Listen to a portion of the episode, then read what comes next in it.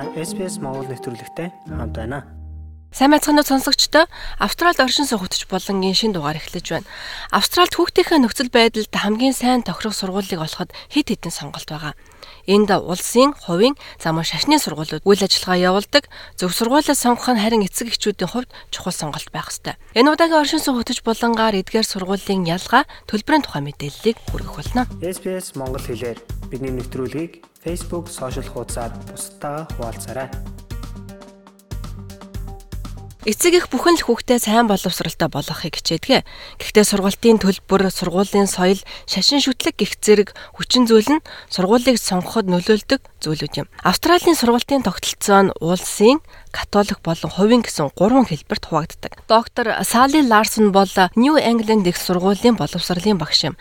Тэрээр эдгээр сургуулиудын ижил болгон ялгаатай талыг ингэж тайлбарлаж байна they're all governed by the same bodies. За эдгээр бүх сургуулиуд муж улсаас гаргасан удирдлага дор ажилладаг учраас ижил сургалтын хөтөлбөрөөр үйл ажиллагаагаа явуулдаг. Багш нар бүгд ижил процессыг даван магадлан итгэмжлэгдсэн байдаг. За гол ялгаа нь зарим сургууль хүүхдийнхээ боловсролд мөнгө зарцуулахыг эцэг эхчүүдээс шаарддаг юм а.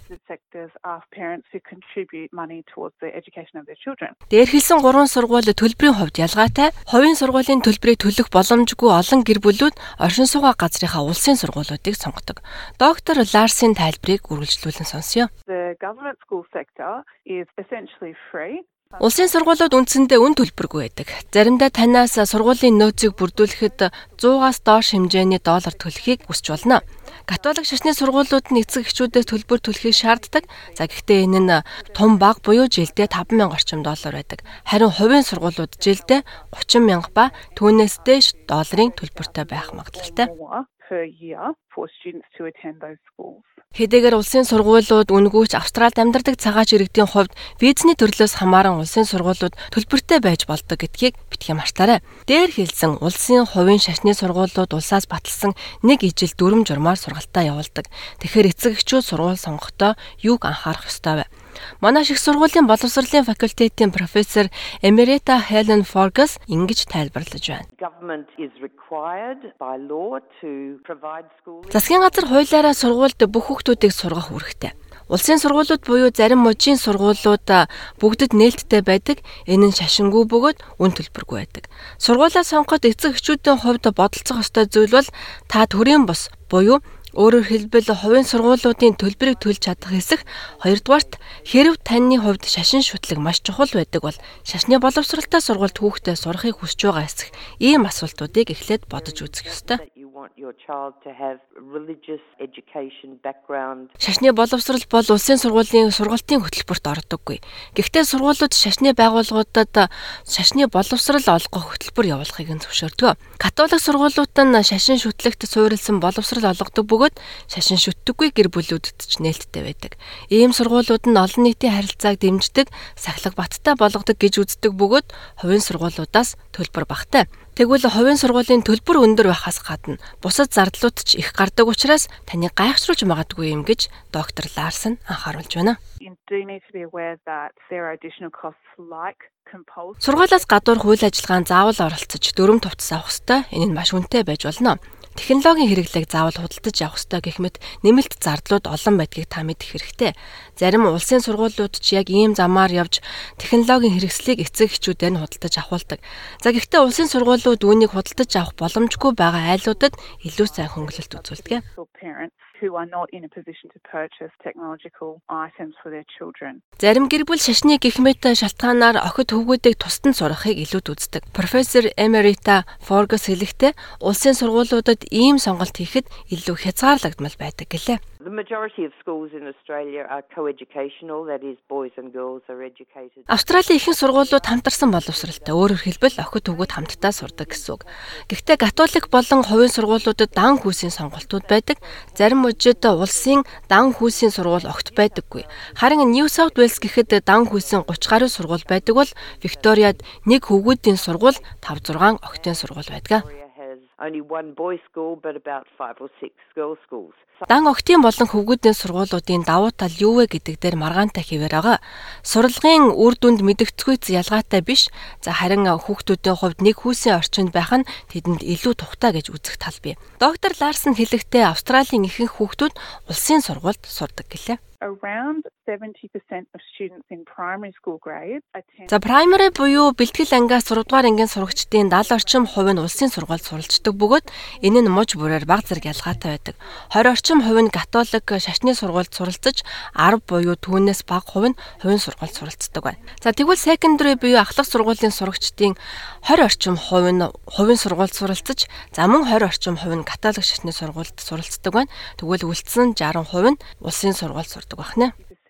are attending government schools from year 7 to 12. Эцэг эхчүүд сургуулийн хэлбэрийг сонгохдоо нэг зүйл дээр маш болгоомжтой ханддаг. Энэ бол хувийн сургуулиуд заримдаа хүүхдүүдийн улсын тогтолцоонд заавал эзэмших ёстой боловсролыг эзэмшүүлэхгүй байх вэ гэсэн болгоомжлол байдаг it's worth being aware that state schools don't have a Улсын сургуулиудад хувийнхан шиг маркетингийн төсөв байдаггүй гэдгийг анхаарах нь зүйтэй.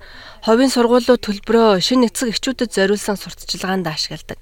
Гэхдээ төрийн сургуулиуд маркетинг хийхгүй байгаа гэдэг нь эдгээр сургуулиуд хувийн сургуулиудаас дутуу гэсэн үг биш. Энэ нь тэд улсаас авдаг төсөөрөө ийм маркетинг хийхийг зөвшөөрдөггүй гэсэн үг юм а. Профессор Эмирата Форгас эцэг эхчүүд хүүхдээ элсүүлэхээс өмнө өөрсдөө гэрийн даалгавар хийх ёстой гэлээ. Та төлбөр төлж байгаа нь хүүхдүүддээ илүү сайн боловсрол эзэмшүүлнэ гэсэн үг биш юм гэдгийг ч тэр мөн нэмж хэллээ. Хүүхдтэй тохирсон сургуулийг ирж олоход танд анхаарах ёстой нэг зүйл байна. Хэрв таны хүүхэд хөгжим дуртай бол хөгжим сонирхдаг. Хэрв таны хүүхэд ямар нэгэн спортод сонирхолтой байгаа бол спортыг түлхүү хөгжүүлсэн сургуульд сурга. Таны хүүхэд сурахыг хүсэж буй хэлийг нь сургуулаас нь санал болгож байгаа бол тэр сургуулийг хайж олох хэрэгтэй. Энэ бол эцэг эхчүүдийн гэрийн даалгавар.